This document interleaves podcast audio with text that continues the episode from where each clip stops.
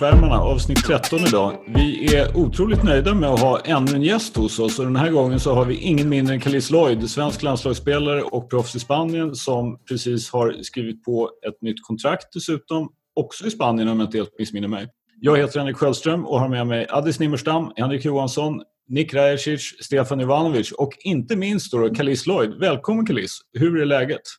Tack så jättemycket. Jo då, det är bara bra. Grattis till den nya dealen! Tack, tack, tack! Hur känns det? Ja, men det känns bra. Det, framförallt så här i coronatider så är det skönt att ha kontrakt inför nästa säsong. Sen eh, är det ju inte jättejobbigt att det är på Kanarieöarna. Nej, så är det. Soligt eh, året runt. Jag, jag klagar inte på den svenska sommaren om man säger så. Jag kommer ha sommar, eh, sommar resten av året. Så att, eh, det är helt inte okej. besöka där istället för hos Ludde.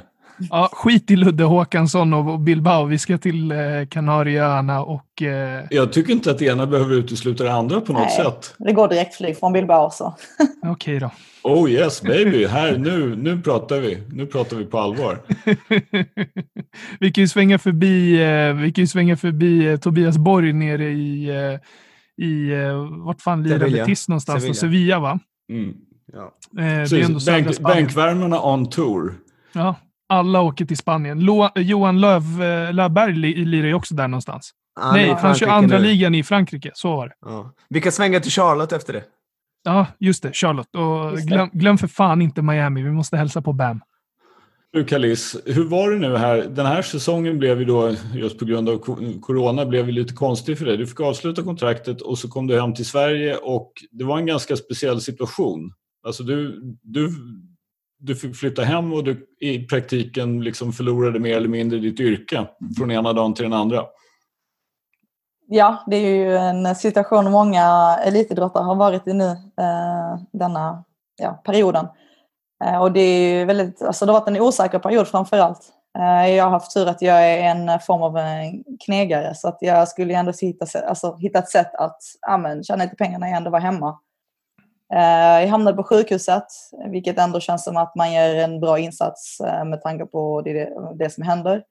Eh, och även, alltså, jag fick ju liksom lite erfarenhet i eh, det riktiga arbetslivet också. Ja, för det är en sak som jag tänkte på. Jag, jag och du känner ju varandra ganska bra sedan innan. Mm. Ehm, och det, det som slog mig mest är ju typ att ja, men du kanske jobbade lite grann under din ungdom, men egentligen från att du har gått på college till idag så, så har du i princip inte haft något civilt, eller ja, civilt jobb. Nu är inte du någon legosoldat, men något jobb utanför basketen. Så hur, hur var liksom den omställningen för dig? Alltså ja, precis. Jag har inte haft ett jobb sedan jag var, nej alltså, typ aldrig egentligen. Mm. Och det, jag var lite nervös. Alltså det kändes ju skönt att gå in som typ lagerarbetare, bara flytta på massa lådor och hålla koll på inventeringen där. Um, sen blev ju liksom det, rollen utökad uh, smått om smått. Liksom. Efter tre veckor så blev det att jag fick en lite större roll, var um, ansvarig för uh, lagret i Malmö, beredskapslagret. Uh, och sen så när de då skulle ta över en, en annan, ett annat företag så blev det att men de behövde ändå någon som kunde vara lagersamordnare mellan Malmö och Lund och sköta uh, lagret. Och eh, då blev det ju en väldigt mycket större roll, alltså lite av en eh, chefsroll som eh, lagersamordnare för beredskapslagret. Och det är ändå, med tanke på det som händer så är det ju en stor grej egentligen. Att jag ska ju se till så att det finns grejer på lagret mellan Malmö och Lund och att alla avdelningar kan få sina grejer de har beställt. Här har man knegat i 15 år och aldrig blivit någon jävla mellanchef. Stort grattis! Du, det, en, en sak som jag inte alls minns Kalis, det är ju, du gick ju, om jag inte helt missminner mig, så gick du fyra år på Lamar var det va? fem år ja. Fem år till och med. Vad utbildade du till där? Eller liksom vad... Jag har ju en, eller jag har en double bachelors i eh, business administration, entrepreneurship och eh, management. Så att det är ju lite det man gör. Och sen har jag väl ändå alltid varit lite av en, alltså, en ledare. Så att många grejer kommer ganska naturligt för mig när det gäller kommunikation och se till så att alla är på samma sida och, och att saker och ting rullar. Eh, och det var väl lite det, jag, alltså jag tog för mig på, på sjukhuset, alltså att jag såg till så att saker och ting hamnade rätt och eh, det märkte cheferna. Eh, Och de visste ju själv också att de behövde ha någon som kunde göra det jag gjorde och det fanns ju ingen alltså, vanlig människa som kunde göra det för att alla var ju redan i, alltså, i sitt arbete. Så att då, då hamnade det liksom bara, de hittade på en roll och det, det blev min roll. Så att jag hade också ganska mycket tur. Men har tankarna någonstans nu under den här perioden eh, hamnat eh, där du tänker på vad du ska eventuellt göra efter karriären? Inte nödvändigtvis att du ska jobba lager på sjukhus eller vara någon form av lagersamordnare mellan Malmö och Lund. Men i och med att du har varit ute i det, inom citationstecken, eh, vanliga arbetslivet så har liksom den tanken om vad du ska göra efter din basket slagit dig. Absolut, jag ska inte jobba ett, eh, ett schema som är då, eh, vanlig arbetstid, 8 till eh, 4. Det kan jag absolut säga att jag inte kommer att göra. Eh, sen har jag haft ganska tur för att jag har haft eh, flextid och förtroendetid så att jag har jobbat hemifrån och kunnat jobba, eh, jag ska inte nämna ställen jag har jobbat ifrån, men eh, många, många gånger har jag jobbat hemifrån. Mm. Eh, alltså kan man ha ett sånt jobb, fine, men jag känner ju absolut inte att jag har lust att gå och sätta mig på ett kontor klockan åtta och gå hem klockan fyra. Det kommer jag inte att göra. Few do.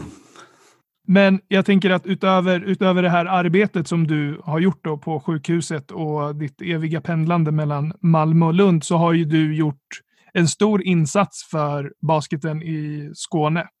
Kan du berätta lite om det? Eh, ja, alltså Malbas eh, är väldigt aktiva här runt om i stan och frågar ju ofta mig, Paulina Hansler, Elijah om att eh, komma ut och hänga med barnen. Framförallt då när det varit utomhusträningar och svårt att motivera dem, vilket jag helt förstår för att hade jag varit i den åldern så hade jag nog inte varit utomhus och spelat basket. Men så jättemycket props till alla kids som har varit ute eh, och spelat nu under coronatiden. Men framförallt bara visa att man är liksom, bara för att man är proffs eller bara för att man spelar i landslaget så är man inte större än så. Och, eh, kan man få en eller två att eh, fortsätta spela basket eller inspirera dem till att eh, drömma eller att våga eh, så har jag liksom gjort mer än det jag någonsin kunde önska. Eh, och sen så blev det så att någon hade frågat någon om jag kunde komma till Kristianstad. Så, men Kristianstad var inte så långt därifrån så det, den åkte jag på. Och sen så har det bara blivit att jag åkte till Småland, jag har varit i Blekinge, eh, hälsat på klubbar, eh, Älmhult. Där var det liksom en hel, de är en klubb på jag vet, cirka 90 pers. Många av kidsen är kids från föräldrar som jobbar på Ikea och där körde jag det bara på engelska och det var jättekult. Och körde med, med grabbar och tjejer. Och, alltså, jag, jag tror inte många vet egentligen hur stort basketen är utanför Sverige. Och att eh, få dem att drömma om att kunna spela basket professionellt. Mina, mina kids eh, så, satt ju klistrade när du var med på sommarlov. Självklart. Ja, Men... hon, hon nämnde att hon skulle vara med i det programmet. Och jag ja. bara, nej, jag kommer inte gå upp klockan sju, jag är ledsen. Jag får kolla på reprisen på SVT Play. Nej, nej, vi satt som klistrade. Men eh, jag såg även det här med eh, bollstjärnorna. Eh, och det tyckte jag var riktigt intressant. Alltså just det här när du beskrev att liksom, svårigheten, för det kan vi alla som nu, jag har jobbat hemma i i princip 8-9 veckor. Svårigheten att hålla en rutin, svårigheten att liksom, eh, och du sa att du träffade en idrottspsykolog. Kan du berätta lite? Jag känner mig framförallt utlämnad. Eh, jag, har liksom, jag tillhör ju inte någon, när mitt klubbkontrakt tar slut så tillhör jag ju inte en klubb. Eh, och jag tillhör ju liksom alltid landslaget, men vi tillhör ju landslaget när vi är med landslaget. Och eh, kommer man hem och har liksom inget, eh, man vet inte när det börjar igen, man vet inte, eh, har man, man har liksom inte en vanlig coach på hemmaplan heller, eh, fystränare, allt sånt som man får via klubben helt plötsligt försvinner. Eh, och det är helt okej när man gör det på sommaren när man har liksom varit i ett schema och man har gjort exakt det alla andra har sagt man ska göra. Och sen komma hem och bara veta att men det kommer inte starta upp om en månad, det kommer två, tre, fyra. Alltså, det är liksom en fråga om kommer det starta i augusti och då tänker man ändå att okej, okay, men jag måste ju börja träna, men var börjar man? Alltså, jag kan inte köra, kan inte köra en verklig basketträning. Jag är en person när man är liksom 12 i ett lag. Visst, man kan köra individuals, men ska jag köra individuals varenda dag själv? Alltså man blir ju omotiverad. Man behöver ju, det är ju det jag märkte med basketen, är att man behöver ju varandra. Man behöver lagsamhörigheten, man behöver ha folk att skoja med, folk som utmanar en på planen. Det är ju liksom det som är hela grejen och det är det som är så fint med idrotten. Eh, lagspel, så att man, man, vi behöver varandra, vi förlitar oss på det. Och när de då tar det ifrån en så blir man helt, eh, ja, alltså, jättestort frågetecken. Mm. Så att eh, jag visste ju inte i princip vad jag skulle typ ta mig till. Jag, knöt min, alltså, jag tog mig till hallen, knöt skorna, och bara nej, alltså jag, jag vill inte. Eller jag, alltså, vad ska jag göra? Liksom, som att jag typ inte visste hur man skulle spela basket eller vad jag skulle göra i hallen. Annars har jag inga problem att komma på grejer eller köra drills själv eller bara fråga någon att komma och hänga. Men nu var det som att jag, nej, jag, jag visste ingenting. Så att eh, jag snackade med vår idrottspsykolog som jag då fått via landslaget. Eh, och han gjorde lite så att han liksom bröt ner hela grejen om att liksom, okej, okay, men här är du nu. Om, och lägga upp det som att ha en AB, A, A-plan, B-plan, C-plan. Liksom kunna lägga upp många olika alternativ. Sen behöver inte de Eh, alltså, det, behöver, det behöver inte hända att du väljer F-alternativet, men bara för att liksom bredda en syn i vad som kan hända efter basketen. Och den tror jag att många glömmer bort för att den kan ju, vi tänker ofta inte att basketen tar slut på grund av en skada. Att, alltså, skulle man bli skadad och det tar slut, då har man helt plötsligt, då måste man ju komma på något. Men att sitta här och rabbla upp grejer som att ja, men jag skulle kunna tänka mig att göra det här, jag skulle kunna plugga till det här. Alltså det, det känns så långt ifrån, men nu blev det ju så verkligt. Eh, och börja fundera på en karriär efter basketen, det var liksom det var absolut inte det man vill göra och jag tror att man blir ganska tacksam över eh, att, eh, att man spelar basket och att man har någonting eh, liksom, som man älskar att göra. Den där diskussionen har jag haft med ganska många spelare när jag har coachat, eh, kanske främst på här sidan just att om du har en chans att spela basket ändå, men vad gör du mellan eh, träningar, vad gör du mellan matcher, vad gör du Alltså så här, för att plugga är ändå, dels är det ett bra förberedande för att man ska då gå vidare. Men sen är det också bra att få liksom hjärnan att ställa om till någonting annat emellan så att det inte bara blir eh, basket, basket, basket, basket. Liksom. Vissa fattar det, vissa fattar det inte. Jag, jag har två följdfrågor på, på ditt utlägg precis eh, först är liksom hur, hur läskigt var det att väl vara i den där situationen och komma till den insikten som du kom? Och eh, fråga nummer två är hur svårt eller lätt var det för dig att, eh, att höra av dig till den här idrottspsykologen och faktiskt be om hjälp? Jag kan inte ta tvåan först. Uh, jag tyckte inte alls det var svårt att, uh, att, att ringa upp vår idrotts, idrottspsykolog och säga att jag behöver, jag behöver prata. Jag, antingen behöver jag typ prata ut mig och bara få ut det jag tänker och känner. Eh, och sen så behöver jag liksom typ få perspektiv på det hela för det kändes ju som att jag liksom hade en miljon grejer i huvudet och fick liksom inte styr på det. Och vad han då liksom kunde göra var att liksom, okej, okay, men vi, vi tar detta här för sig och vi tar det här för sig. Det här är liksom känslor, det här är handlingar, det här är liksom det här och kunna dela upp allting så att det kändes som att man hade en miljon grejer eh, som inte alltså, made sense. Liksom. Uh, vad, var första, vad var första frågan? Hur läskigt var det att vara i den här situationen? Jo men det är ju alltså, jätteläskigt. Det är ju ingen som har varit i den här situationen, vare sig elitidrottare eller eh, alltså, civilt, alltså, i civilt jobb. Och med tanke på att man inte visste när det skulle dra igång. Det är ju fortfarande snack om att det möjligtvis inte drar igång. Vi har ju liksom tre scenarier på hur säsongen kommer att gå. Alltså framförallt så med landslaget. Kommer vi inte kunna spela? Kommer vi spela i november med eller utan publik? Kommer det flyttas fram till februari? Kommer man kunna spela i februari? Alltså det är ju jättemånga frågetecken eh, kring allt. Eh, och det gör jag fortfarande det är lite läskigt. Eh, man ser liksom hur statistiken går upp på många länder. Eh, kommer man behöva stänga ner basketen igen? Vilka åtgärder gör man då? Eh, kommer vi då gå tillbaka till att bli hemskickade? Kommer vi vara där, kommer vi få betalt?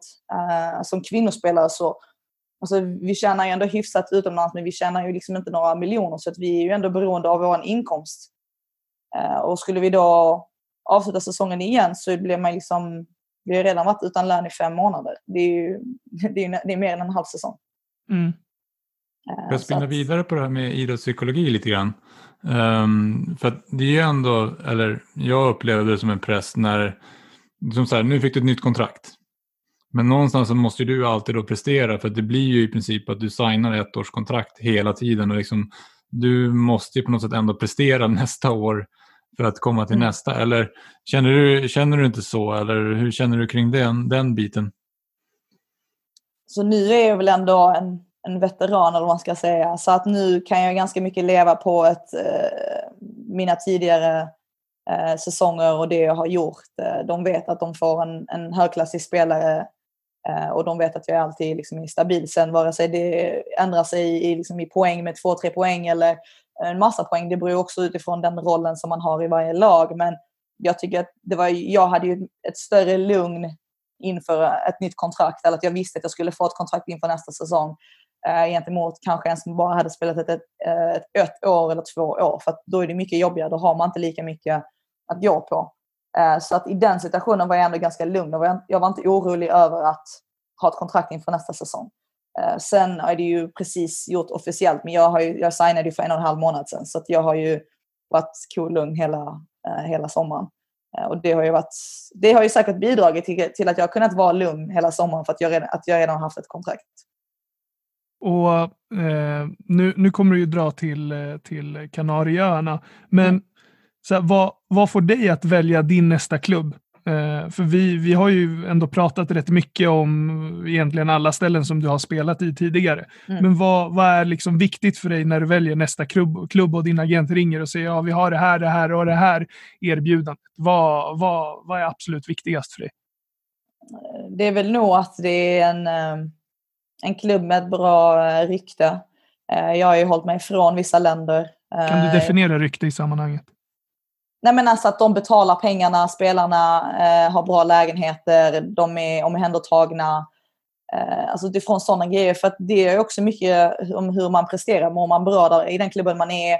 Måste man bråka med dem om liksom, sin lön eller får man liksom, en dålig lägenhet? Alltså, allt sånt bidrar ju till hur man presterar. Eh, framförallt så här får man betalt. Alltså, det är ju skitjobbigt att liksom, gå och vänta på sin lön. De säger att vi ska betala, vi ska betala, och så betalar de aldrig. Eh, och den, den har jag vet jag att det händer ju ofta i Turkiet, så jag har liksom hållit mig borta därifrån. Även om pengarna skulle locka så har jag bara känt att jag, eh, jag vet att jag presterar i en, en bättre miljö och har ju därför hållit mig liksom till Frankrike, Italien, Spanien för att eh, jag vet att det är länder som liknar Sverige och de klubbarna då har liksom haft den här känslan av liksom, ehm, ja, men familjeklubb, de tar hand om en. Eh, det, det känns skönt, det känns bra. Och hur kommer det sig att det blev just eh, den här klubben du har skrivit på för nu? Eh, ska man då gå ner i lön på grund av corona och att klubbar har mindre pengar, eh, då kan det ju vara lite trevligare att vara på ett eh, bättre ställe i Europa. Så att, kunde kanske ha valt att spela i norra Frankrike eller i eh, Ungern. Eh, eller så kunde man valt att spela på Kanarieöarna. Så att, det var inte jättesvårt med tanke på denna säsongen. Och sen så är ju spanska ligan Eh, den är, alltså den är stärkt eh, med spelare och det kommer vara en jättebra säsong eh, för, för spanska ligan som behöver återhämta sig. Så att det var inte svårt att välja att åka till Kanarieöarna. Mm. Vad säger, alltså apropå det här då med, alltså Spanien är ju ett av de länder som har påverkats väldigt, väldigt mycket av coronaviruset och covid-19. Många döda och de har haft liksom complete lockdown. Folk har varit inlåsta och polisen ser till att du inte är ute på promenader och inte borde vara på promenad och sådär. Hur tror du att det här påverkar när du kommer då till Kanarieöarna och du, alltså på något sätt så är ju eh, att vi kan gå på idrott, att vi kan titta på idrott, att det pågår, att vi spelar, det är ju en del av ett normalt liv, tycker vi. Får du någon känsla av hur du kommer att bidra genom att faktiskt spela basket till att vi återkommer till en normal värld? Det tror jag absolut. Man kollar ju bara på spanska ligan, herrarna, ACB. De valde ju att komma tillbaka och gå till ett slutspel. Eh, jag tror Spanien framförallt är jätteberoende av sina idrotter, framförallt eh, fotbollen och basketen. Och eh, jag tror de, de vet att de måste komma igång på något sätt. Och att man kan ändå hålla, man kan ju ändå säga till spelarna, liksom, håll dig inomhus, ni får bara komma till träningen, ni får bara göra det här jag tror att vi ändå, vi vill ju ändå få betalt så vi kommer ju ändå följa alltså, reglerna som kommer sättas för att minimera att vi får corona. Uh, och sen så måste man ju, man måste ta någon risk någonstans att komma igång. Man kan inte bara sitta och vänta på att saker och ting ska hända. Och, alltså jag menar, NBA har ju liksom tagit chansen också och jag menar, vem var det? Russell Westbrook som också hade det och det är ju många spelare som har haft det. Vi hade någon spelare i spanska ligan också. Så att jag menar, jag tror att det är oundvikligt att no, ingen skulle få det. Och det är bara att man har rätt eh, åtgärden om det skulle hända. Men Nick. finns det redan en form av beredskap liksom, i klubben? Har, är det något som har kommunicerats ut till dig som ändå är ny, eller, ja, ny och ny spelare? Du signade ju kontraktet för två månader sedan, men det kommunicerades ut nu. Är, har de liksom sagt hur de ska gå tillväga? Finns det, finns det en, en väg man ska gå? Uh, nej, inget som mm. de har kommunicerat officiellt. Uh, det kanske blir så när vi väl kommer dit. Okay. Eh, det enda som jag vet och som man har pratat mycket om det är hur kontrakten kommer att skötas. Skulle det vara så att ja, men det blir lockdown, säsongen stängs ner eller avslutas. Så det var ju att um, den här Fiba Court, de har ju liksom gått ut och sagt att uh, skriver man kontrakt nu så är alla klubbar medvetna om att corona fortfarande existerar och de kan liksom inte lägga på att ja, men det här är liksom nytt för oss, vi har inte pengarna att betala ut utan nu kommer, alltså, ah, nu kommer ju Fiba gå bakom spelarna för att klubbarna har, de vet om vad som händer. Mm. Eh, Så det känns ju i alla fall tryggt. Mm.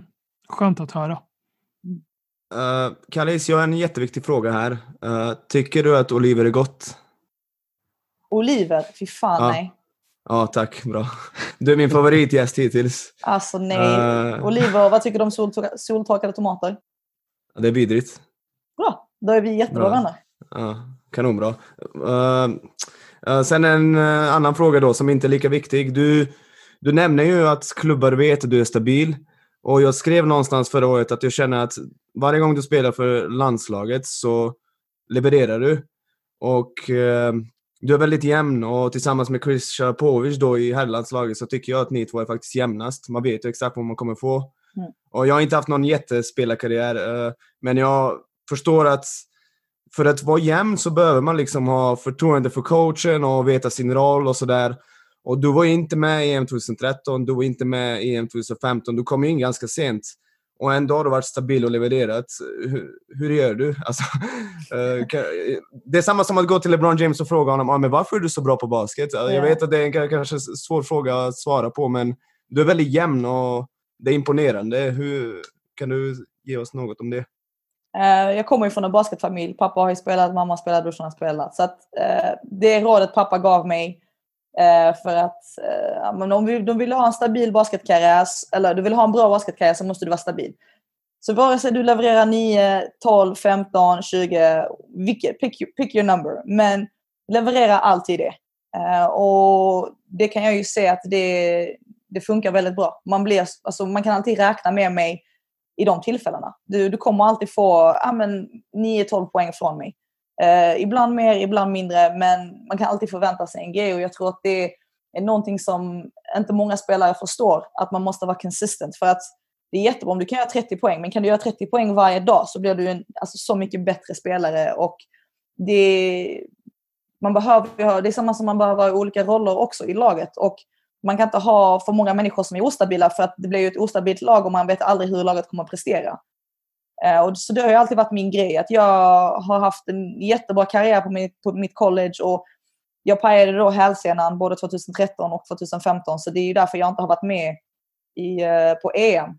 Eh, och sen bara att liksom ha tagit mig igenom dem eh, det har liksom gjort att jag har liksom satt ribban vid ett visst, vid, vid ett visst läge och där, där, det är det ni kommer få av mig. Eh, ni kommer alltid få 100 procent och jag känner att det är jag som människa också.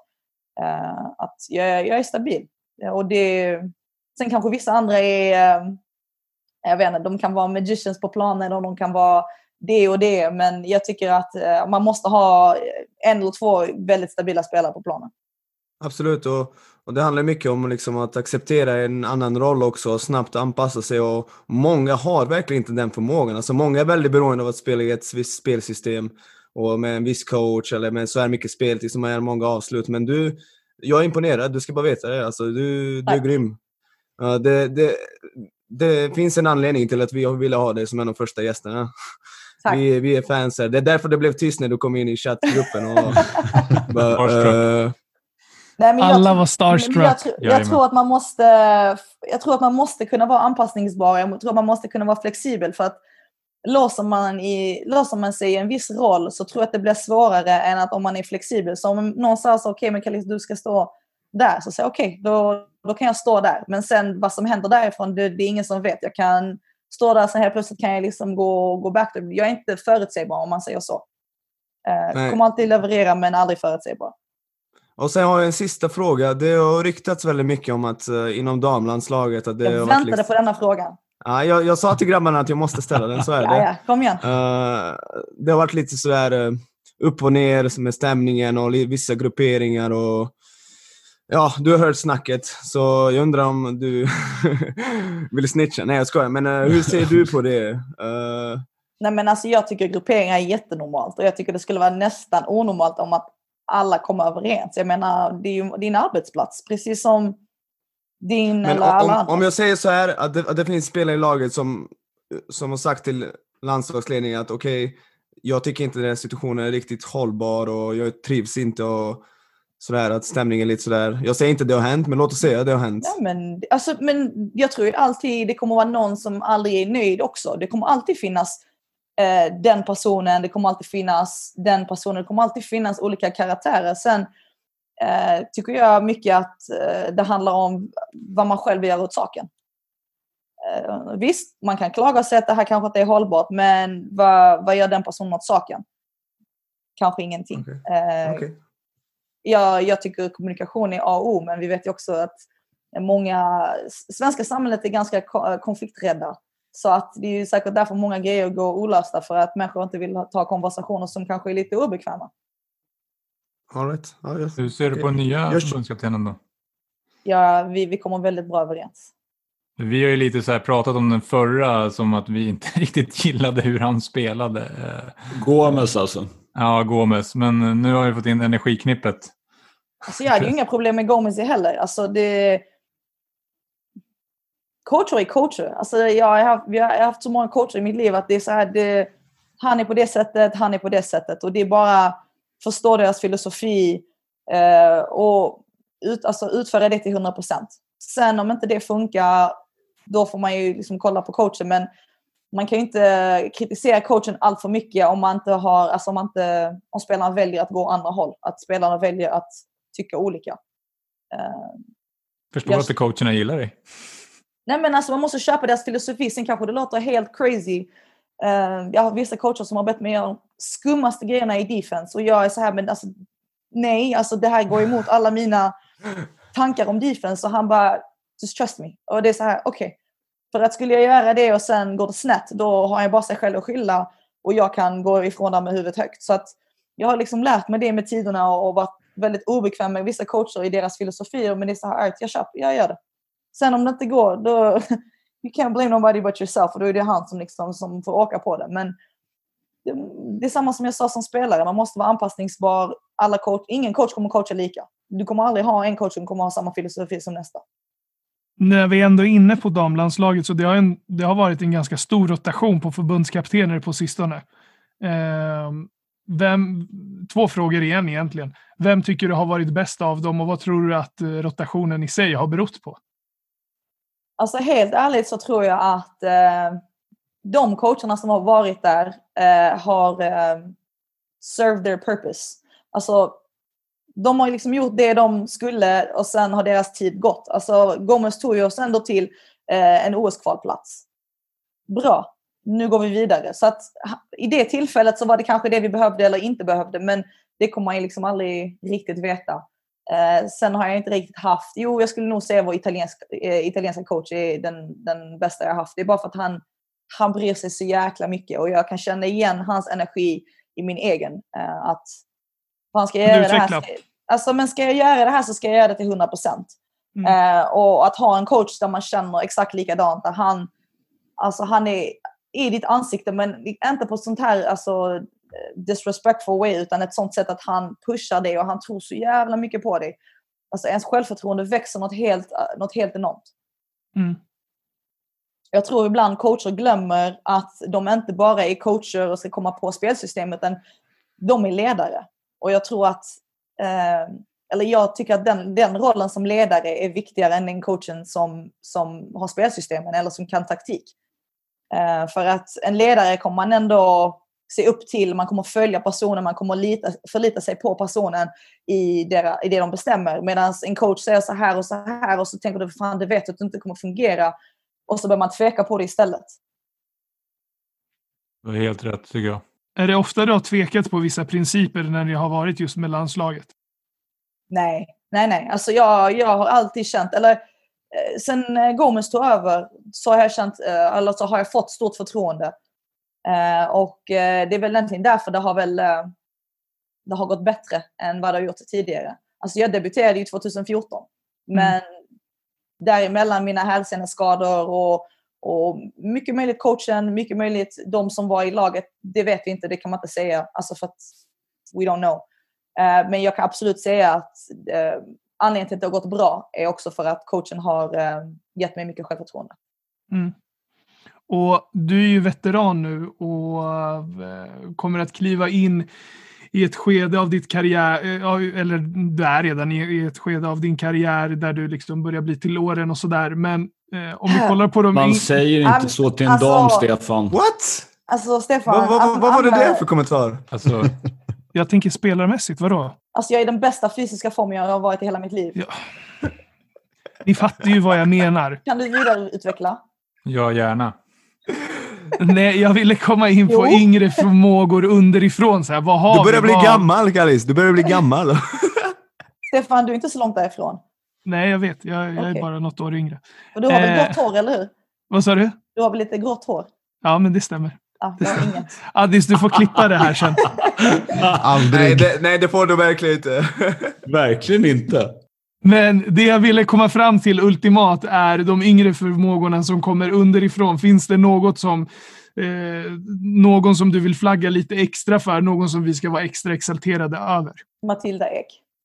Orädd, eh, tar för sig eh, och har en vinnarskalle. Det var en diss mot Tova Sabel. Det är ju en rivalitet där. Vad håller du på med? Du frågar mig efter en person, jag sa ett namn. Det var inte jag, det var Stefan, men whatever. Nej, det var Nick som sa att du börjar bli till åren. Det var inte jag. Nej, jag, känner inte, jag, jag känner inte mig till åren så frågan är orelevant. Men eh, apropå det, alltså jag tänkte också på en, en framtidsfråga, inte kopplat till din ålder, men, men bara... Jag ville bara göra en snygg brygga för Du, du gjorde inte det Stefan, det var det som var problemet. Jag ska göra en bättre här. Eh, nej, men det jag tänker på bara att ehm, hur tänker du inför fram, hur många år ser du dig själv utomlands och framförallt är Sverige ett alternativ eh, i slutet av karriären som hemvändare? Liksom? Det- mi- Mitt största mål just nu det är att eh, kvala oss till eh, VM. Så det är 2022. Mm. Eh, vad som händer med landslaget efter det, det, är inte, det vet jag inte och det får jag liksom ta då. Men jag har i alla fall det som mål. Eh, jag kommer fortsätta spela utomlands så länge pengarna är bra, så länge det är liksom inget krångel där. För att de pengarna är för enkla att tjäna, kommer aldrig kunna tjäna dem hemma så Mm. enkelt. Mm. Eh, Så där kommer jag ju att köra så länge det går. Det skulle vara dumt att göra något annat om inte man har något helt sjukt på gång där hemma. Eh, Och plus att man kan ju bara spela basket så pass länge så varför inte spela tills, liksom, inte det går sönder, men tills man inte kan mer. Mm. Eh, och eh, jag har ju aldrig spelat i elitserien här i Sverige så att jag hade ju jättegärna velat vända hem och eh, vinna ett SM-guld i Sverige. Bara för att säga att AIK. Uppsala har ett bra Va? projekt på A- gång. så AIK? att, eh, Eller? Va? Lägg ner, det här, lägg ner det här med klubbarna. Men jag måste fråga en sak till som är kopplat till det där. Alltså, du är ju, alltså, du, vad är du, 1,88 eller något sånt där? 1,87, 1,88 lång någonting. Och ändå är du ju fantastiskt atletisk. Dessutom har du då två hälseneskador. Det här ska inte vara möjligt, Kalis. Hur gör du? Jag är väldigt bra på att rehabba mina skador. Jag tar dem jätteseriöst. Och sen, eh, sen bryr jag mig om min kropp. Jag lägger mycket tid på, eh, på gymmet. Jag lägger mycket tid på vad jag käkar.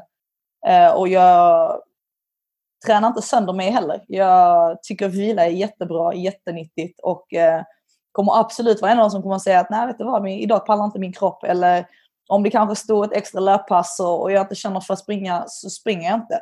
Jag känner inte att jag måste överprestera för att jag vet när jag ska leverera så levererar jag.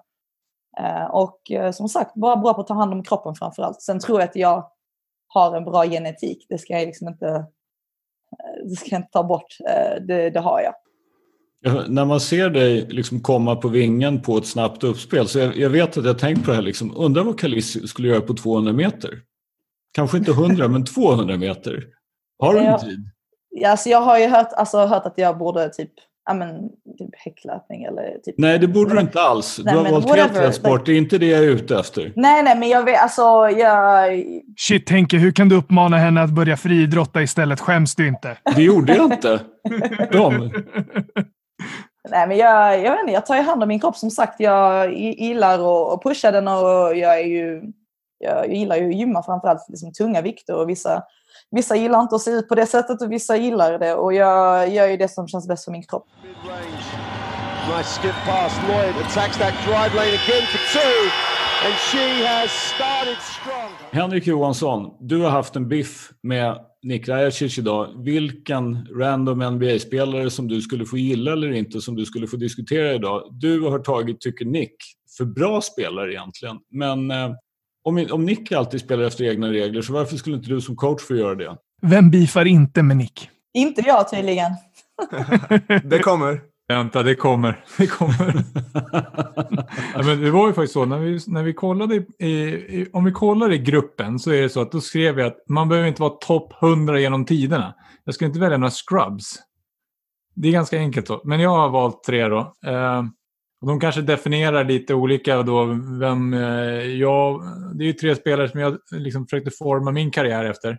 Eller ville vara som. Eh, Allen Houston var den första. Sweet jävla jump shot. Alltså, eh, ja, det var ju liksom... Textbok. Textbok. Alltså Mm. det fanns inget bättre. Jag hade ju fan... New York Knicks. Ja. Ja, det är inte textbok, men... Nej, Knicks var bra. Senast de var bra. Ja, ja. Så var Allen Houston också bra. Ja. Nej, men något sånt. Och sen... Eh, alla vet vem Houston är. Men den, den som jag mest egentligen försökte efterlikna mitt game efter, som jag alltid studerade extra, var Jamal Mashburn. Jag tyckte han hade så jävla Ooh. sweet post. Den var riktigt, riktigt random. Ja, jag säger det. Men han har en All-star-match. En All-star-match. Han var fett bra. Han var fett bra. Ja, men hans... Jamal hans, Mashburn, eh, Jimmy Jackson och Jason Kidd. Ja, men hans post moves, det var alltså, kolla, han var en, en small forward, men han kunde posta upp, spinna runt, fades, allt, allt. Men sen är det så här, sen skiljer sig då synen på att den sista jag valde var, var vet det, Anthony Mason, och då pratar jag inte Nix Anthony Mason, nu pratar jag Charlotte Anthony Mason. För skillnaden var där att han var ju en ja, brickhouse point forward typ. Byggd som en jävla ladugård, men han skulle dribbla upp bollen. Så det var här jag alltid hade krigen med min coach då när jag växte upp junioråren. Min, min juniorcoach tyckte jag skulle efterlikna Tim Duncan. Så vi hade ju lite olika syn på vem jag skulle vara. Uh, jag, alltså, jag känner att... Uh, alltså. Mashburn, Mashburn var ju en Kentucky-snubbe, spelade i Dallas. Han var alltid jätteuppmärksammad. Han var hur bra som helst. Uh, så ja, Allen Houston, kultlirare. Anthony Mason, kultlirare. Random spelare är, du vet, det är typ som Zlatko Zahovic i EM kan inte ta 2000 i fotboll. Keefe. Det är liksom. din. Nej men, ta någon typ som, jag vet inte, kanske... eh, låt mig tänka på någon. Desmond Ska Mason. du typ. välja åt Johansson nu? Ja, Desmond Mason. Henrik Johansson väljer Desmond Mason. Jo, för jag försökte efterlikna mitt game efter en av de atletiska snubbarna som fanns i NBA. Du har uppenbarligen inte sett mig lira. Jag är mycket mer intresserad av, vi diskuterade hur långa folk var förut, jag är mycket mer intresserad av varför din coach ville att du skulle spela som Tim Duncan. Du är inte Ja, det är klassiska. Jag är 1,92. Det är svensk coaching. Ja, Ja, true, true, that- true that. Tryck in dem under korgen. Du var fan... Du... Nej, men... jag, jag, tar, jag tar min random nu lite, lite, vi är inte lite klara snabbt. Nej, det är min vi- tur nu! Nej, men vi, vi, är inte klara, vi är inte klara med... Vi är inte klara med alltså, det finns ju Ah. faktiskt en sak till med Anthony Mason. I och med att han spelade med New York Knicks så är han faktiskt också med i en Woody Allen-film. Så, Ja. kulturellt högstående person. Sorgligt avliden 2015. Rest in peace Anthony Mason. Nu Nick får du köra. Tack. Det är svårt att komma till tal i bänkvärmarna, men i alla fall.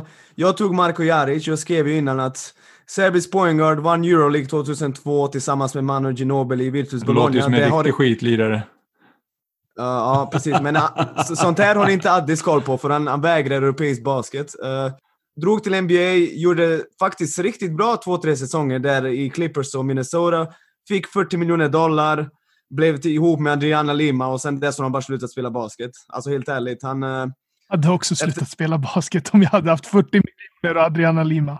E- Efter det så drog han till till Montepaschi Siena, Real Madrid. Han gav inte jack shit.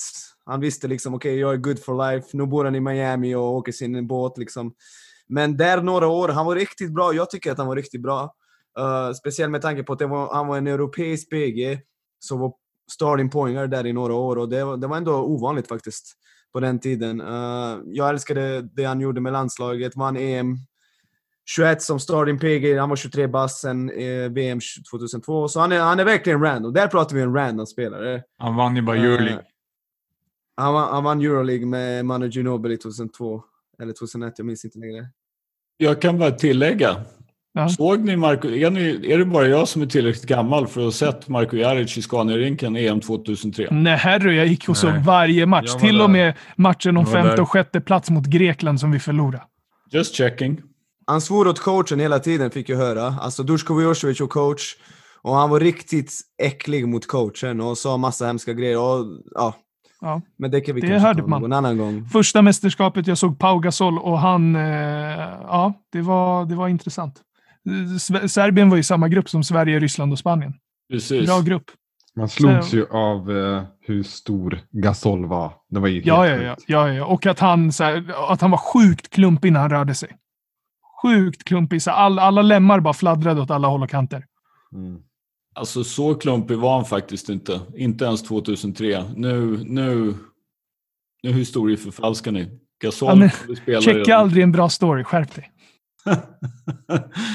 Jag ska inte checka en bra story Stefan, så nu får du dra en. Random Okej. NBA-spelare, varsågod. Kör.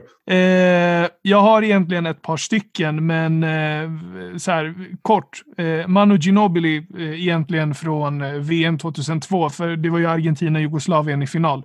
Och eh, visst, det var ju skitkul att eh, Jugoslavien vann ett VM-guld och att det, det är det senaste guldet jag faktiskt har bevittnat, även om de har spelat otaligt många finaler sedan dess. Men i Argentina så fanns det ett par lirare, eh, Carlos Delfino, eh, Oberto, Volkoviski, lite sådana där lirare. Men det var en snubbe som stack ut och det var fan Manu Ginobili. Hela det där mästerskapet så var han så sjukt smooth och så här rolig att titta på. Sen har vi också Sabrina Ionesco. Varför jag väljer henne är väl egentligen för att jag knappt kollar på någon dambasket. Och jag slås bara av hur talangfull hon är. Eh, och hur, hur intressant hon är att kolla på. Hon och Mano påminner mig väldigt mycket av, om varandra. Inte nödvändigtvis spelmässigt, men hur de fångar upp mitt intresse. Men den absolut mest random av alla de här lirarna är väl kanske Bruce Bowen. Eh, för de som känner mig vet att eh, jag är eh, en snubbe som älskar att snacka skit.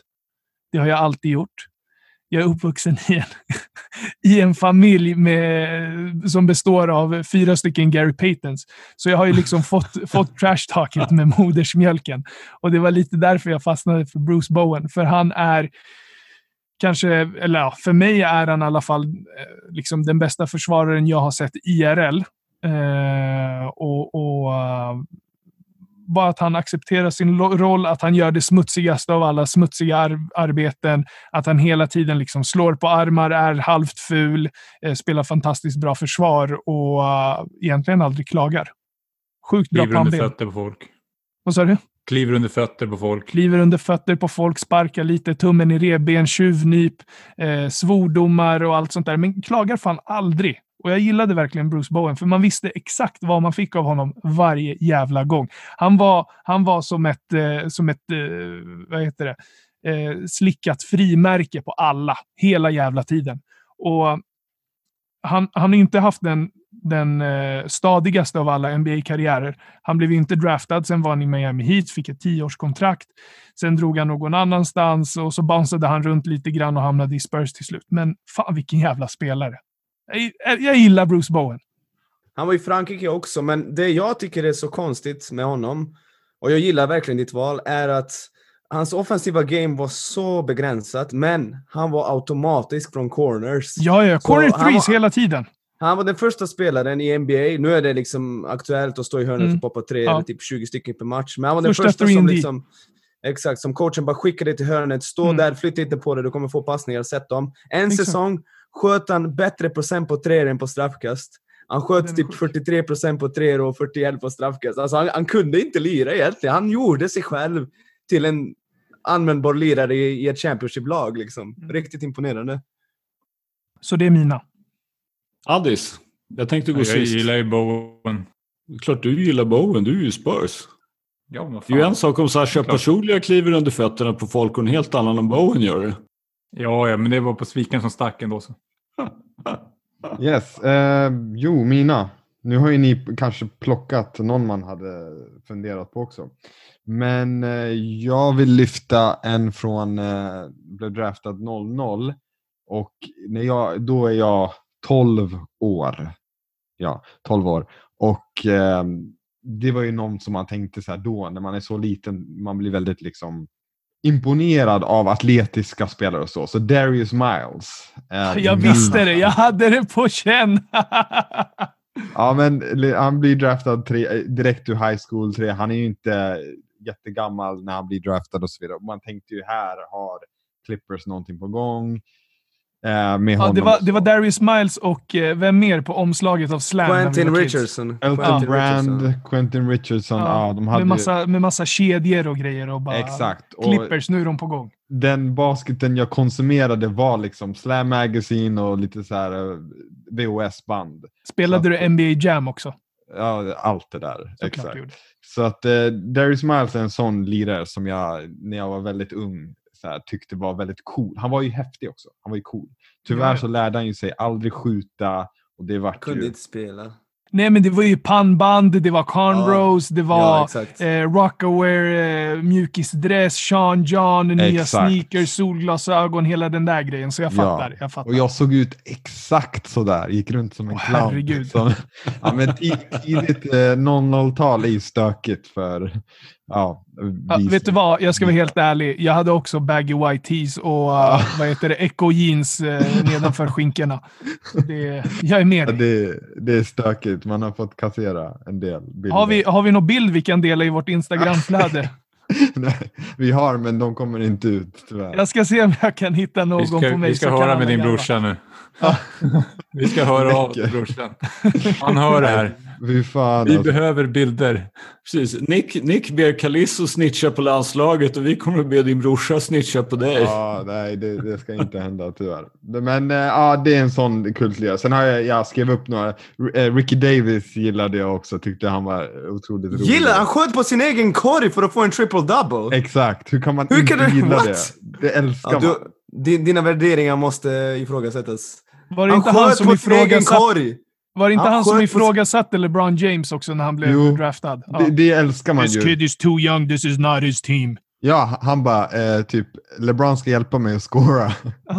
Men man, man gillar ju det. Alltså, alltså det, det måste man gilla. Och vill man ha en triple-double då lägger man upp den på egen korg, tar returen. Det är ju, alltså, ni får tänka man är ung när de här kom fram. De är Ja, ja, gud, ja. Och pannbandet ju, gjorde mycket. Så, nu är det alltså jag då som ska gå. Jag är ju tvungen att välja någon från Chicago Bulls förstås. Det, det vet Försök att, försök att hitta någon som är född efter Kristi. Kristus. Nu kommer Luke Longley. Alltså, faktum är ju det att alla vet ju att det var Taj Gibson som skrev liksom åtminstone tre av de tio budorden, eller hur? Född 1985, så i alla fall lite grann efter Kristus. Men jag har sen, ja egentligen sen han debuterade för Chicago Bulls så har jag tyckt att Taj Gibson, jag har älskat honom och det är ju en, en eh, det gör alla som har följt Bulls länge. Den dagen som Bulls tradade bort Taj Gibson så var det sorg i Chicago Bulls-communityt. Det var fruktansvärda tider och då kan man ju fråga sig liksom, varför är det sorg för en snubbe som snittar 9,5 poäng och 6,3 returer eh, och liksom egentligen i ett lag då som har Jordan som har vunnit två three-peats. Varför sörjer man Taj Gibson? Jo, därför att han var och är, han spelar ju faktiskt fortfarande och nu ändå i hemska tider i New York Knicks, så var han en spelare som, och är, en spelare som på något sätt personifierar vad Bulls stod för. Jobba hårt, spela försvar, sätt dina öppna skott och var professionell. Gör liksom det du ska, alltid. Och det roliga med honom var att han hamnade i en situation där han faktiskt startade de absolut flesta matcher som rookie och var liksom inte direkt anmärkningsvärd men ändå helt okej. Okay. Sen så tradade Bulls till sig Carlos Boozer. Och då blev Taj Gibson en försvarsspecialist. Sen var han en, ja, stannade i Bulls rätt länge och blev ofantligt populär på att dels vara en försvarsspecialist som alltid jobbade hårt och som var professionell och såg till att de som kom till Bulls på något sätt förstod att så här är det att vara professionell och spela för Chicago Bulls.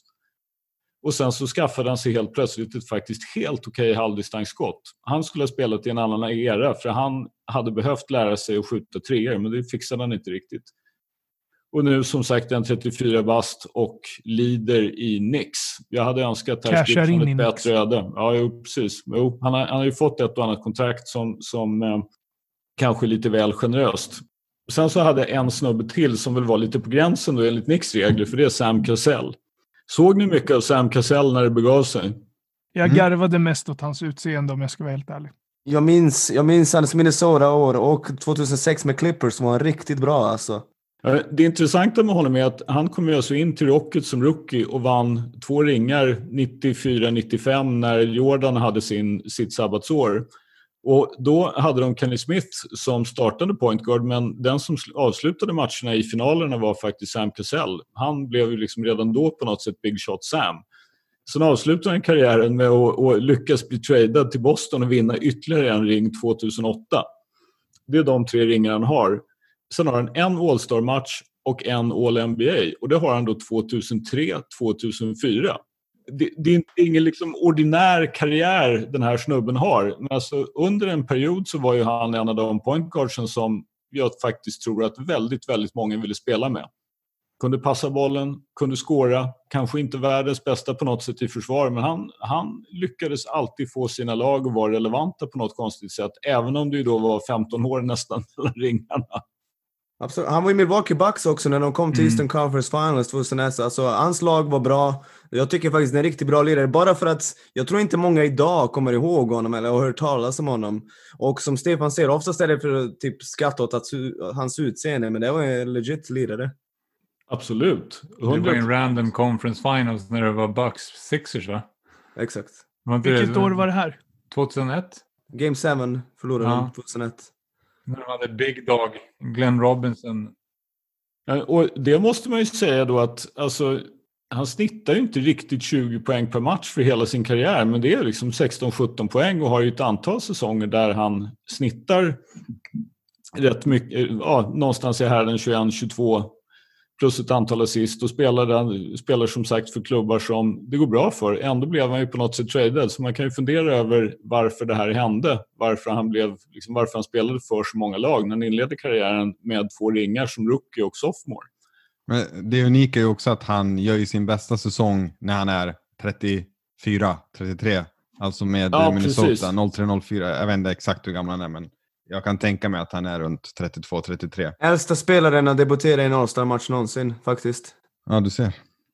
Precis, född 69 och som sagt All NBA 35. den säsongen och sin första All-Star-match då. Och Mm. alltså All NBA blir ju ändå inte, alltså det är ändå en sån här Även om du kanske får någonting av sentimentala skäl hit eller dit, men liksom en, av, en av de sex bästa guardsen i ligan, det får du ju inte bara för att folk vill vara snälla för, utan det är ju faktiskt för att du har gjort någonting. Sen har jag en sista. Vet ni vem som har spelat 83 matcher i grundserien? Fast det bara är 82. Någon som blev traded under säsongen kanske? Absolut så, självklart. Men det är ändå bra gjort att bli tradad och hinna vara med i att hinna ta sig från ditt gamla lag till ditt nya och inte missa en match på hela säsongen. Dan Gadjuric i... Ra- Rashid Wallace. Rashid Wallace. Det är mycket möjligt att de har lyckats med det här också, men jag tänkte på Bo Outlaw. Power, for, power forward gjorde sina bästa år i Dallas. Där har du en till som kanske inte direkt hade utseendet för sig. Du borde gilla honom, Henrik. Han är ju född i San Antonio. Gjorde han sina bästa, gjorde inte han bästa säsongen i Orlando? Det var väl Dallas och Orlando. Jag har för mig att Dallas tradade honom till Orlando. Och sen så gjorde Mm. han, snittade han väl typ 10 poäng. Jag gissar att han sköt marginellt bättre än vad jag gjorde, men han var en bra returtagare. Bra att spela försvar. Ja, han var en klassisk power forward på den tiden. Bred Mm. som en jävla ladugårdsdörr. Kunde inte Mm. göra speciellt mycket alls. Nej, precis. Förutom att spela 83 grundseriematcher. Nice. Ska vi... eh, Kalis, har du någon, eh, någon random? Nej, så jag kollar inte på NBA helt ärligt alltså. Men ge oss Women NBA. Ja. Nej men inte random NBA-spelare. Alltså om, någon, om jag skulle säga någon eh, som har spelat en väldigt kort stint i NBA så skulle jag säga Mike James. Oh, den är riktigt bra. Så Du gillar Mike James. Han är ju... Jag fattar inte varför han inte spelar i NBA. För att han, eh, han är ju... eh, han är ruskigt atletisk. Och... Sjuk. Ja, och så ruskigt bra bössa, bra handles. Eh, och så var han i NBA i typ några månader, snittat 12 poäng per match. Phoenix dumpade honom, sen vill ingen ha honom. Alltså det är så konstigt. Sen åker han till, ja, sen åker han till vad är det, New Orleans. Ja, var han där också? Ja, Okej. och sen så tillbaka till uh, Euroleague. Men är ni alumnis eller är det... Ja, exakt. Men, Så har, du- har du någon insight där? Varför, Ja, eh, varför blev han inte kvar i NBA? Eh, nej. Nej, okej. Vi.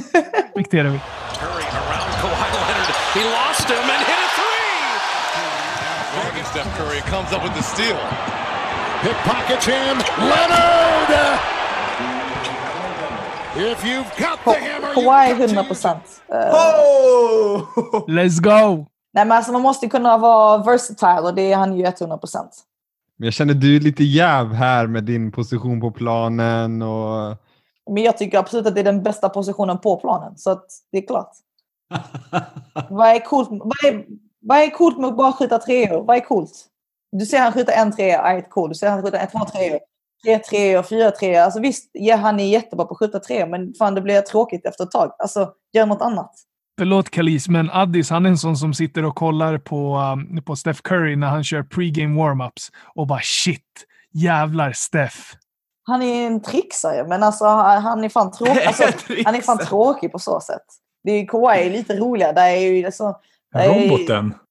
Ja, men och han, är, han gör ju allting på planen. Han kan ju göra allt. Spela offense, defense. Han, komplett spelare. Bra Kallis. Ja, du, du är kompetent. Jag gillar det jag hör.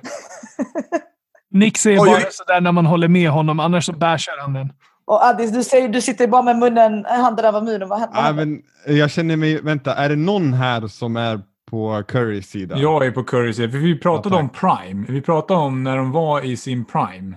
Han är så som Curry bäst. är inte i sin prime. Han är, han är done alltså. Ja, alltså exakt. Just nu är är på ju väg ut, Curry på väg ner. Liksom. Ja. Men Men Currys bästa. Currys bästa är ju bättre än vilken Kawhi-version ni vill ha. Alltså. Okej, kan, kan du få en minut, två minuter och, och ingen säger något annat? Jag måste säga något nu. Du får max Du- en minut. Okej, vänta. Nicks hörna. Let's go. Du säger att i deras prime så har Curry högre prime. Uh, alltså seriöst, när ska folk ta den här silverskeden ur Steph Currys mun? Han föddes med det. Och så vi, här, här i bänkvärmarna så byter vi hans blöja hela tiden. Jag känner att det är ju respektlöst mot Kawhi. Du säger att när Steph Curry är som bäst så är han bättre än Kawhi. Men om du tittar, låt oss se Kawhis förra året run i slutspel. Då snittar han till och med mer poäng än Steph Curry någonsin snittat i slutspelet. Och då säger folk, ja men vet du vad? Steph Curry kan göra mer poäng. Och, och du vet, ibland måste man eh, sjunka till den nivån och säga okej, whatever. Vi säger inom citationstecken att Curry gör mer poäng. Men defensivt, Kawhi kan ändra en hel slutspelsserie själv. Sätt honom på motståndarnas bästa spelare så vinner de. Vilket han gör Vet du, vet, match du, in och match du, ut. vet du vad som Nej, händer? sluta nu. Han har ju slutat. Han har ju han har gått ner i försvar för fan. Sluta. Giannis, Giannis förra året i slutspelet, jag vill inte höra. 2016, Cleveland har aldrig vunnit en titel. De kallar timeout, vet du vad de gör? Uh, Kyrie, spelar du en mot en mot Curry? Förstår ni skillnaden? Här har vi en spelare som låser ner alla, här har vi en spelare som är den, största, den svagaste länken i sitt lag. Det här är ingen jämförelse. Jag förstår vad ni menar. Steph Curry är fantastisk. Nej, vi förstår Men- inte. Va- Vad vad är, det, vad är, det, är det något fel med att vara typ femte bästa spelare i sin generation? Alltså varför måste folk försöka få det att framstå som Ja men Steph, han är... Och spelar du i fem finaler, lyssna, jag vill inte att någon säger något. Spelar du fem finaler, du får inte Finals MVP en enda gång. Och sen, du vet, folk går och ser, precis som vanligt, som om Steph Curry är en bebis, så säger folk Åh men stackarn, åh men han skulle ha vunnit 2014, och gaga, gugu liksom. 2018, du vet, han skulle ha vunnit istället för Kevin Durant. Nej! Har du aldrig vunnit, har du spelat fem finaler och inte en enda gång har folk sagt okej, du är den klart bästa spelaren på planen, så är du inte på LeBrons nivå, du är inte på Kawhis nivå.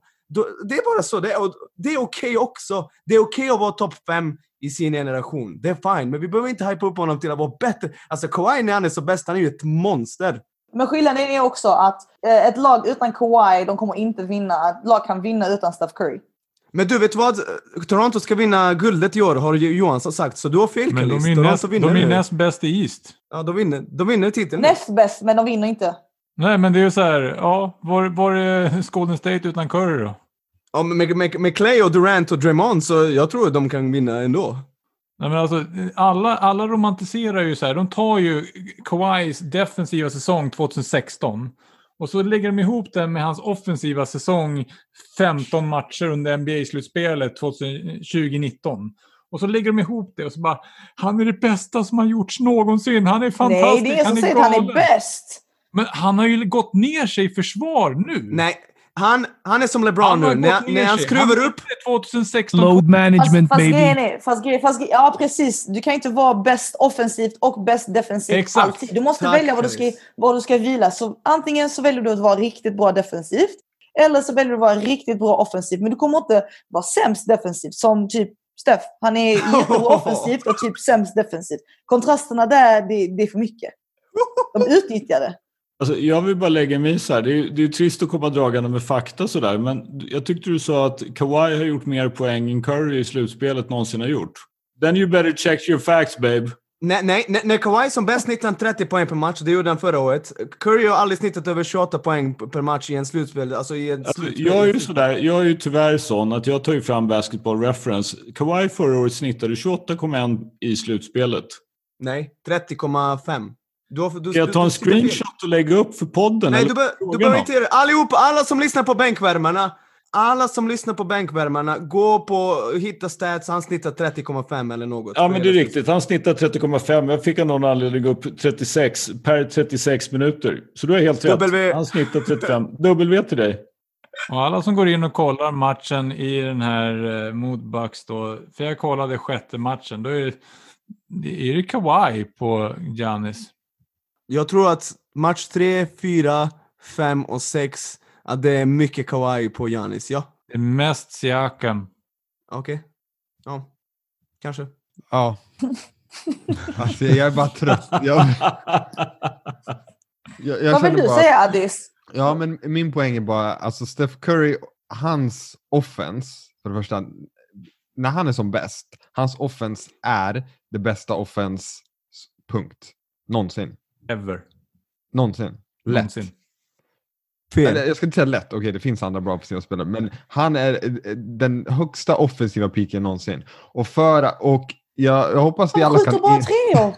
Nej, det där, det där, vi Det håller inte du med. Du tillbaka. kan Det säga där- det Addis, men vi Alltså, är då, inte kan, överens. då kan du gå tillbaka till, till eh, Dr. J och Magic Johnson. Du kan ju inte säga att, alltså, att Jo. Wilt Steph Curry är Chamberlain. en, alltså, the best offensiva spelare. Nej, alltså, Ja. det där får du ta tillbaka. Det där Nej, är alltså jag, jag vet att det alltså. låter konstigt, det, det skär, men, men eh, Mer faktum är att- skär. Okej, men kan, kan du motivera? Kan du motivera? ja. Okej, Eller men gör det. ja, men alltså vadå? Hans impact på laget rent offensivt. Det spelar, när han var som bäst, det spelar ingen roll. Du hade kunnat satt honom på i vilket lag som helst. De hade haft ett topp 5 offense, utan tvekan. Han var helt unguardable. Det gick inte stoppa Steph. Och ändå så har han bara en scoring title. Jo, men alltså han spelar också Exakt, bra. 33. Mycket bra po- Vi poäng. pratar prime. Ja, Ja, men också vadå? han, Alltså, for- fortfarande bara en scoring title. jo, men han spelar Kawhi? inte samma minuter. Han har noll, men hur många har James Harden? Alltså vadå? Det är, hur många har Russell Westbrook? Du Alltså, kan inte är säga att han är den bästa offensiva spelaren. Ah, Nej, alltså, han är bra den offensivt. bästa skytten någonsin köper jag. Bästa Ja, offensiva spelaren Han aldrig. är en jättebra skytt. Extremt, jättebra är ju underkant. Han är ju den bästa skytten någonsin. Ja, ja, ja, alltså bästa skytten någonsin. Bästa offensiva spelaren någonsin? Nej. Den säsongen som han hade, den säsongen är den bästa offensiva säsongen ever. Ja. Och sen i slutspelet kom LeBron och bara alltså, slakta Ja. honom totalt. Två månader efter det. Ett, en till grej jag bara vill lyfta, som jag tycker är viktig, när man bara... eh, Det Alltså, är jättehögt. ja, vet det, en sak jag bara jag är exalterad nu. Eh, jo, men en sak jag vill lyfta är Eller bara, stressad. när man gör en jämförelse, och det här, det här hoppas jag ni alla köper också, för det är väldigt... Eh, jag tycker att det är jätterimligt, att man, man tar inte en persons eh, slutspelsserie på 12 matcher och säger så här, ja men det här är det den personen är. När man har ett sample av 80 matcher i en grundserie. Det är fullständigt orimligt. Alltså, det är ju i grundserien där du visar över en längre period vem du är som spelare. Alla kan bli heta, mindre heta och så vidare under 12-15 matcher. Det vet vi. Men det är ju slutspelet Fast det är så spelar man roll. vinner. Alltså det går ju ut på att vinna Championship. Så det är klart att slutspelen räknas för att Absolut, alltså det räknas, det säger jag inte, men man måste ändå se till vad gör den här personen. Jag menar, det är klart man kan ha mindre bra 10 matcher och så vidare, men har du ett sample som är 82 matcher, det är ju det som väger tyngre. Men ändå Nej. inte bättre. Alltså du, du spelar 12 matcher i slutspelet på en sliten kropp på eh, 80 matcher innan dess. Ja. Och så Alla matcher är du på- viktiga. Alltså, Alltså inte presterar du Kawhi. på topp. Kawhi vilar ju hälften. Sluta nu. Alltså, själv måste jag ju säga så att jag orkar, jag orkar, ni vet att jag knappt orkar lägga mig i, men jag måste ändå bara för rent för formens skull, precis ungefär som Stefan säger BAM lite då och då, så säger jag nu Michael Jordan. Jag vill inte höra något mer om bästa offensiva säsongen och liksom allt Han är det ju absolut bättre offensivt än vad Steph Curry var, men i alla fall. Ja. Nej. Johan, Johansson lämnar dig. Johansson har inte gett någon hjälp. Nej, Jag känner mig... Jo, Johansson, har du, har du något mer du vill säga eller kan jag gå på, på min eh, kawaii-grej? Ja, men jag tror att alltså, Nick går ju inte att ändra. Han har ju fortfarande sina hot takes. Han kommer alltid hålla kvar vid dem. New Orleans är inget slutspelslag. Doncic är överskattad. Bla, bla, bla. Nej, Doncic är Alltså, Doncic har, Doncic har under the gun ändrat sig på faktiskt. Det är Faktiskt, så. det, har- där har han ändrat sig. Men det är så när jag har rätt och han har fel. Hur som, det, det jag vill säga om Kawhi, eh, vilka, vilka vann han mot när han tog en titel med Spurs? Miami. Jaha. Vi- vi- vilka spelade i Miami Heat då? LeBron. Ja, fast LeBron snittar Nej, typ nej, 30, nej, nej, nej, nej, nej, nej, 10, lyssna, 10. Nick, Nick, snälla. Nick, vänta, vänta, vänta. Nick, prata inte, Haslem. prata inte ens.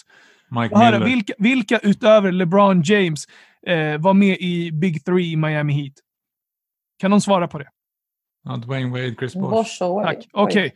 Vilka, vilka, vilka vann han mot när han tog en titel med Clippers? Eh, med Toronto Raptors. Golden State. Och vilka spelade, vi- vilka spelade i Golden State Warriors då? Inte, Inte Durant. Förstår ni, förstår ni vad vi än sitter och pratar om? Det här är en snubbe som har vunnit mot två legendariska, liksom, in, inte bara franchises, utan epoker. Han har krossat deras, deras streak i finalerna. Han har blivit Finals MVP båda gångerna. Han är en av, om inte den bästa, tvåvägsspelaren i NBA genom tiderna. Och vi sitter och snackar om att Steph Curry, alltså skärp er. Alltså du pratar om 2016. Han hade fyra matcher där han var bra där under hela jävla året. Han snittade 13 poäng per match hela säsongen. Och sen hade han en bra... Liksom, Och sen vad hände efter det? Han föddes i den där finalserien. Och nu är han en av de bästa tvåvägsspelarna någonsin. Och om Steph, inte den Curry, bästa. och Steph Curry fortfarande hur många scoring titles? En. Oh, yes. Det borde ju ändå säga sig ganska mycket. Vänta, Steph Curry har tre ringar och då har han haft spelare som Clay Thompson, Draymond Green och Kevin Durant i sina lag. Kawhi Leonard, han har så ont i ryggen. Han har, alltså hans rygg, den håller på att brytas i tu för att han har burit folk i de Det är ruggigt, ruggigt jobbigt tagit- att släpa på Tim Duncan och Manu Ginobili och Tony Parker. Jag måste säga, det är, det är en tung trio att släpa Okej, på. men om jag, om jag det frågar dig, om jag frågar dig det här, om jag frågar dig det här, om jag frågar dig det här. Den trion då kontra Clay, Steph och Draymond, vilka hade du valt? Golden State. Det är det jag menar. alltså, jag hade ju valt 2014 Spurs över 2020, 2019 Warriors. Enkelt. Alltså, men om vi tar bort, om vi tar bort, alltså, om vi tar så här. Alltså rent krasst då. Nu var det Warriors utan Durant. Okej, tar vi bort Curry också ur de Warriors så är de Hade mormor haft bollar än- hade hon varit morfar. Alltså vad fan, kom igen. Va? Men Spurs hade ju ett jävla historiskt lag då. Där Kawhi var en del. Han var inte ens, han var inte ens övertygande bäst. Men ändå Finals MVP. Ja, Andre Iguodala är också Finals MVP för att han råkar få en jävla bingo och muta någon. Nej, det är, inte, det är inte därför. Det är inte därför. Utan han, han höll LeBron på 32, 12, 12. Så Ja. folk bara wow, det är inte så lätt att göra. Första gången man får pris för en defensiv insats i en final. Men det, för, mig är det, för mig är det här inte ens en fråga. Men kan jag få en fråga, ett svar på en mer filosofisk fråga? Basketfilosofisk i alla fall. Ja. Eh, vad värderar ni högst, offense eller defense? Defense, mannen. Offense, nej, nej offense. Jag skulle Stefan. säga defense, men det är jag. Defense alla dagar i veckan. Jag vill bara veta premisserna här. Offense, offense lätt. Det är mycket svårare att bli en grym poänggörare än en grym försvarare. Ja, så känner jag. Och ändå så finns det fler offensivt lagda spelare än För att defensivt de är lagda viktigare. spelare. Du måste göra poäng. Defense wins championships. Ja, men det är ingen vill ta rollen att vara... Ingen, det är inte många som vill ta rollen att vara riktigt grymma defensivt. Man får inte lika mycket cred. Allt Nej. handlar om att få cred och man får ju cred om man, spelar, om man är grym offensivt. Då kan jag säga så här. Basket är en sport. NBA är en nöjesprodukt. Klart man vill se fler offensiva spelare för att det är mycket Absolut. lorigare och lockar publik.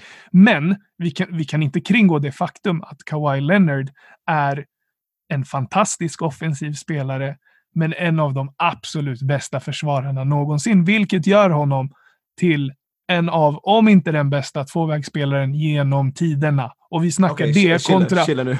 Va? Chilla nu. Nej, vad snackar du om? Nej. Vadå chilla? Den bästa? Nej. Alltså till och med, jag gillar inte Michael Jordan, men han måste ju vara typ den bästa tvåvägsspelaren någonsin. Tack Nick.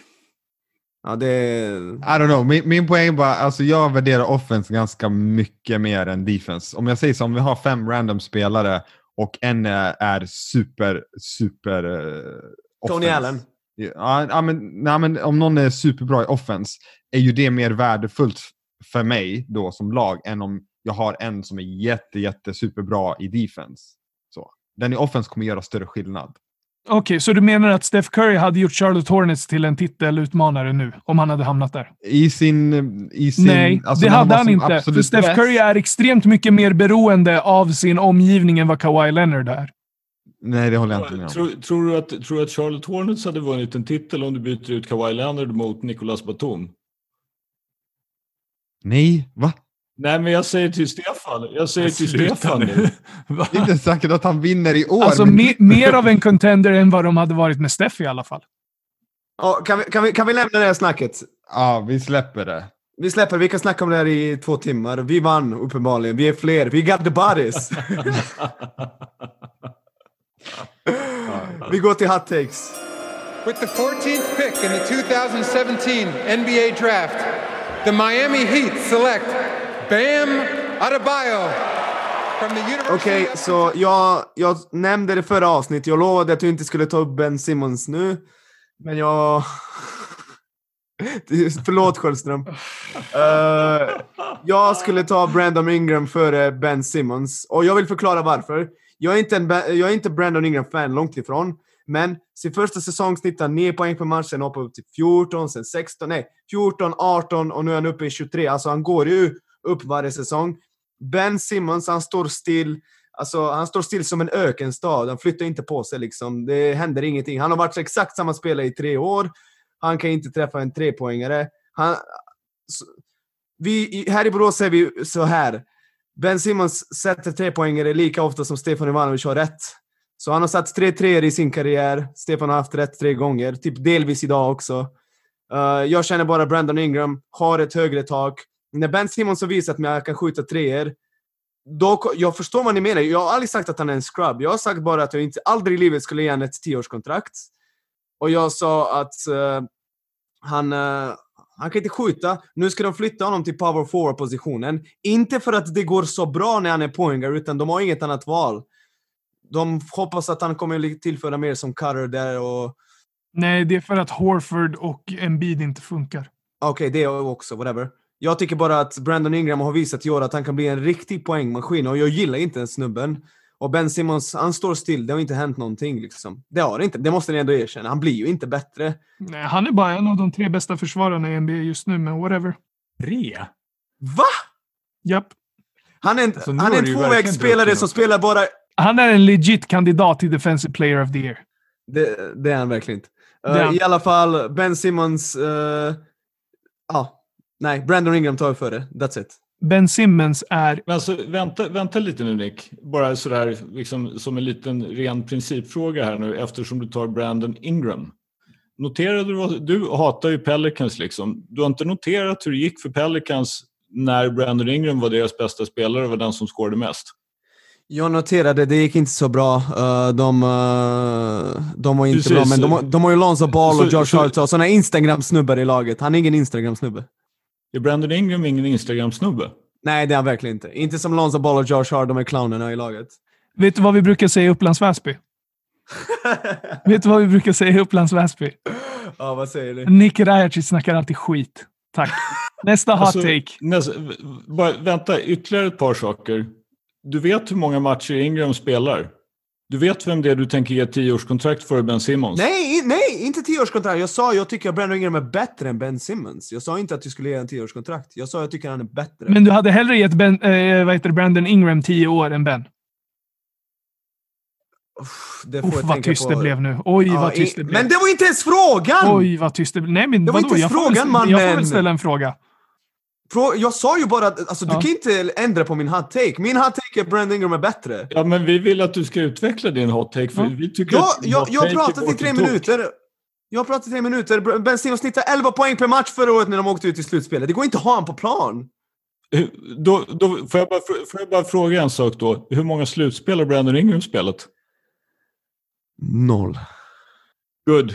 I rest my case, som de säger. I rest my case. Addis, vill du gå? Eller ska Kalis gå? Ja, kör Kalis.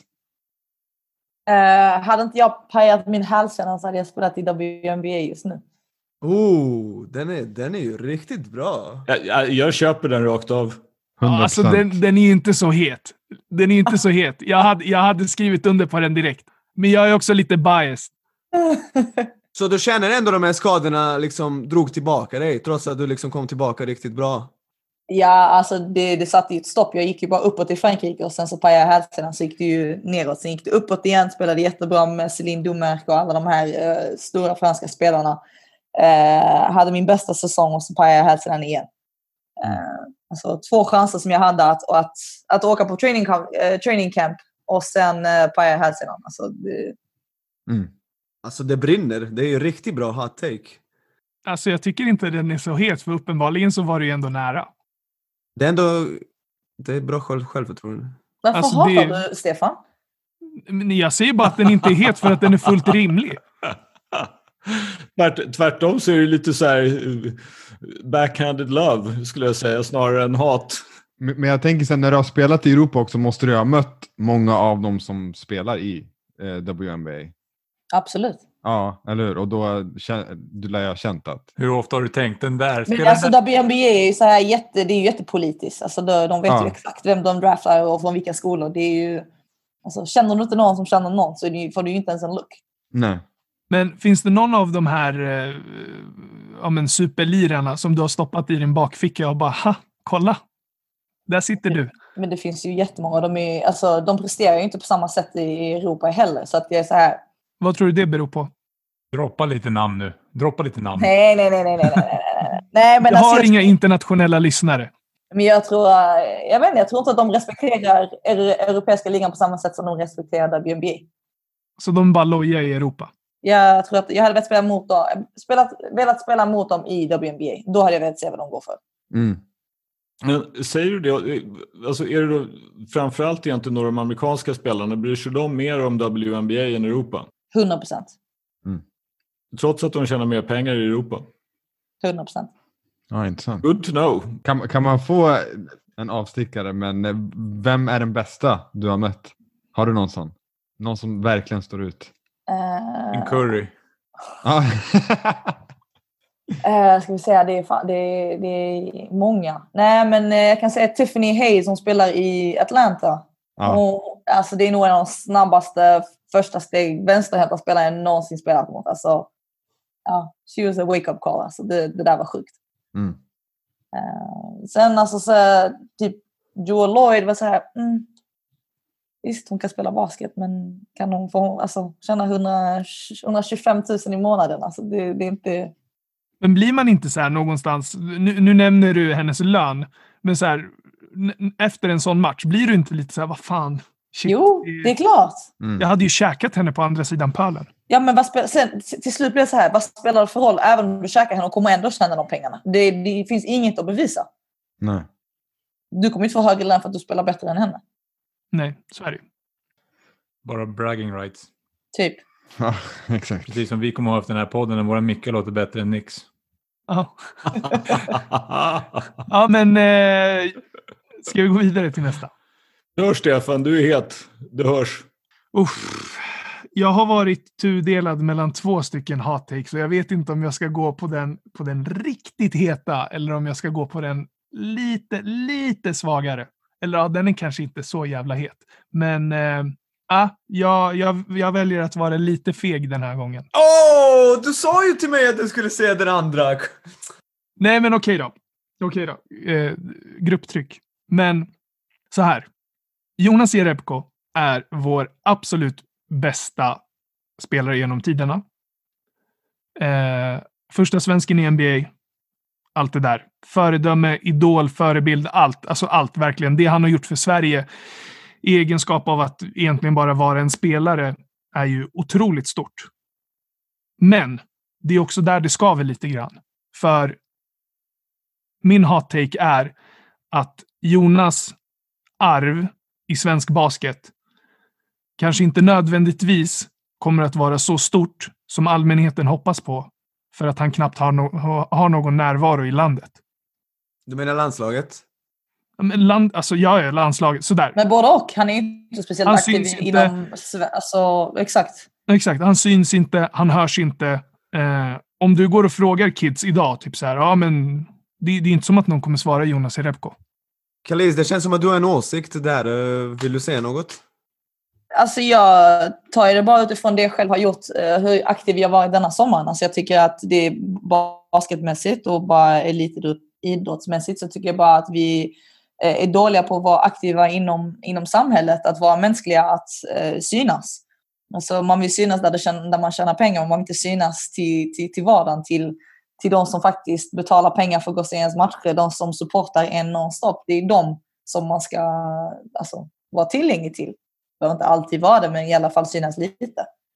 Han hade han kunnat ha en camp, han kunde ha en camp, alltså vara med på något.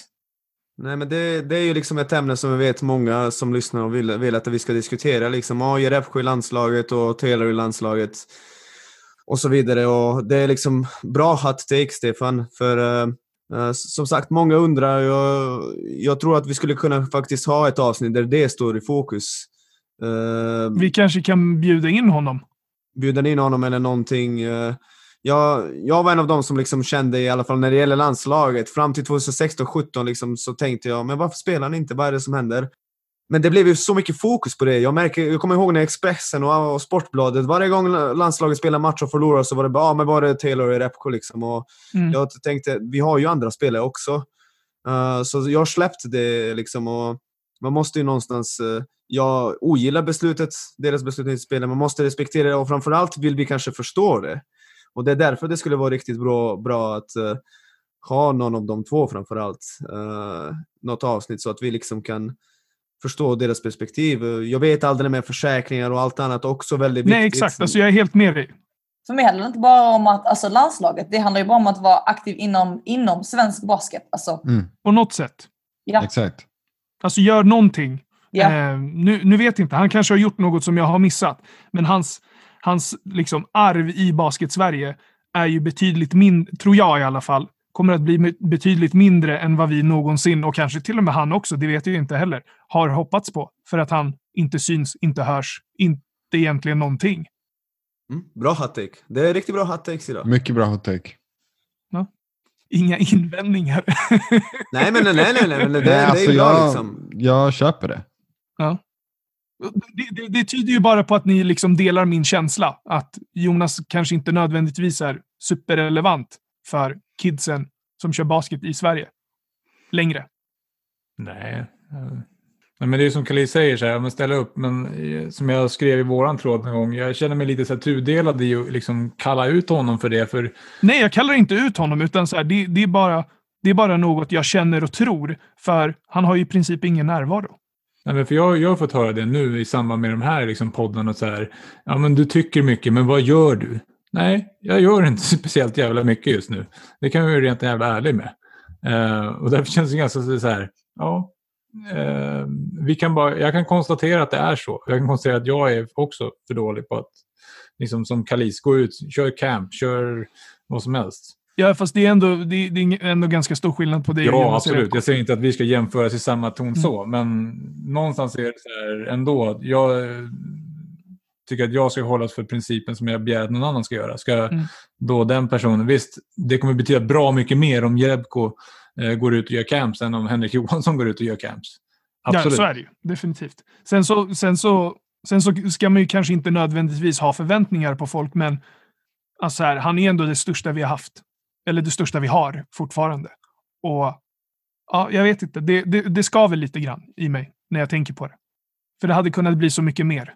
Jag skulle vilja lyfta mer sådana som, då, som Kalis som faktiskt är sådana som Ja. går ut och gör det här arbetet. Och även då, alltså, samma sak ställer upp för landslagen. Alltså, det är ju bara att se så här, ja vad tjänar det åt igen då, dam mot herr och så vidare. Men ändå så är det många, alltså damerna ställer upp konstant. Mm. Ja, damerna gör det utan att blinka. Ja. Och jag tycker absolut att det här är ett ämne som vi ska djupdyka Men i. vad, vad, är ditt, vad är ditt intryck, Kalise? Nu försöker inte jag skapa någon form av polemik mellan dam och herrlandslaget på något sätt när det kommer till socialt ansvar. Men upplever du eh, att det är en skillnad i vad damerna gör kontra herrarna? Självklart, både i liksom hur vi syns ute i samhället och även i vilka ställningar vi tar i poli- politiska åsikter. Där har ju Amanda tagit en väldigt stor eh, roll på sig och det, det, det, är, det är jättebra att hon eh, gör det, att hon vågar göra det. Jag tror att eh, det är inte lika mycket krut i Hallandslaget på så sätt att kunna ta ställning, att man vågar ta ställning. Mm. Det, man, ibland kan man tappa vänner, ibland är det människor som ifrågasätter en. Eh, men jag, liksom, jag tycker ändå att vi vågar göra det. det jag, jag, Vad tror du det beror på då? jag tror att vi bryr oss lite mer, helt ärligt. Eh, sen är det ju synd, de får ju automatisk eh, uppmärksamhet på grund av att de är herrar så att vi måste ju göra lite mer och mycket mer ifrån oss än vad, vad de behöver. Men samtidigt så tycker jag vi står för mycket mer. Jag köper det rakt av. Eh, till, till, exempel, till exempel den här Black Lives Matter uh, Round Table Talk. Mm. Eh, där finns ju uh, jättemånga mörkhyade spelare på herrlandslaget. Mm. Eh, jag undrar, de kanske har blivit inbjudna, kanske inte har blivit inbjudna. Men för mig borde det vara en självklarhet att någon av dem vill tycka någonting och vill ta en ställning. Eh, istället, väljer vi, alltså, istället har vi valt människor som verkligen vill dela sin åsikt och det är jättebra att de gör det, de som är med nu. Men man hade ju hoppats att det skulle finnas någon herrlands- herrlandslagsspelare som skulle ta en ställning, alltså en aktiv ställning i det hela. Mm. Om, Men- om man bara kollar... Eller förlåt Adis, kör du. Nej, jag tänkte bara säga att jag som, som liksom, eh, som man, när man är runt kids som eh, sysslar med basket, ungdomar främst som jag är, eftersom jag jobbar på ett idrottsgymnasium, så det jobbet ni gör, damlandslaget, och syns mer, det, det tycker jag också märks. Det känns som att ungdomarna, de eh, tjejerna som spelar, har ju, vad jag upplever, en närmare relation till damlandslaget än vad jag tycker killarna har till herrlandslaget. Alltså det, det känns inte som att killarna som spelar basket har någon aning alls nästan i princip. Det är, i- eh, så. Det är min upplevelse i alla fall. Medan damlandslaget känns som att ni är mycket mer närvarande och det märks ju på de som deltagarna helt enkelt. Mm. Det är jättebra jobb tycker jag. Superviktigt tror jag. Det här var faktiskt lite grann en del, en del, en del eller min hot take var ju just det här med roundtable talks som jag tycker är en, en, eh, ett fantastiskt initiativ av Svenska Basketbollförbundet att eh, våga skärskåda sig själv så pass noggrant och låta utövare som har hamnat i obekväma situationer och som har råkat ut för någonting som vi faktiskt måste kalla för Ja, som vi måste kalla det. Vi måste kalla det för vad det är. Vi måste kalla det för rasist. De har mött rasistiska attityder i alla fall. Även om det inte har varit rakt ut rasism eller den som har utsatt dem för det har varit rasister så är det rasistiska attityder de har utsatts för. Och att då som förbund vilja på något sätt gå före och skärskåda sig själv och säga att men, vi har faktiskt inte varit speciellt bra på det här. Det tycker jag är väldigt, väldigt bra. Och jag är ännu mer imponerad då av just då de individerna som ställer upp och sakligt berättar om det här. Och det är ju lite typiskt på något sätt att det är Daniel Hamilton som är någon slags samtalsledare, i alla fall den jag har sett, som är, eh, som du säger då, Kalis, damlandslagsspelare. Och Jag tror tyvärr att det är faktiskt lite grann så enkelt som att en anledning till att damerna gör det här är att herrarna tjänar mycket mer pengar och upplever att de har mycket, mycket mer att förlora. Ni har också väldigt mycket att förlora, men om du har, alltså, Jag köper inte det.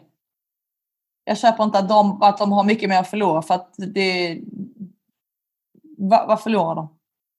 Jag, säger, jag sa inte på något sätt att det var rätt, men de förlorar mer pengar. Jag tror att det, det blir på något sätt någon sån här alltså att man upplever, eller genom en upplevelse snarare. Jag säger inte att de har mer att förlora, men jag tror att de upplever att de har mer att förlora. Att, de att det på något sätt, ja men det är lika bra att vara tyst. Jag, jag, jag avstår från att lägga mig i den här debatten. Och det är som sagt, det är väldigt, väldigt synd. Jag tycker precis som du. Det borde, jag hoppas, man vet ju inte. Det är mycket möjligt nej, nej, och det sa jag också. Jag vet ju inte om de har blivit tillfrågade eller om de, om de kanske har tagit ställning. Men från vad jag mm. har sett så tar de ju inte ställning utanför.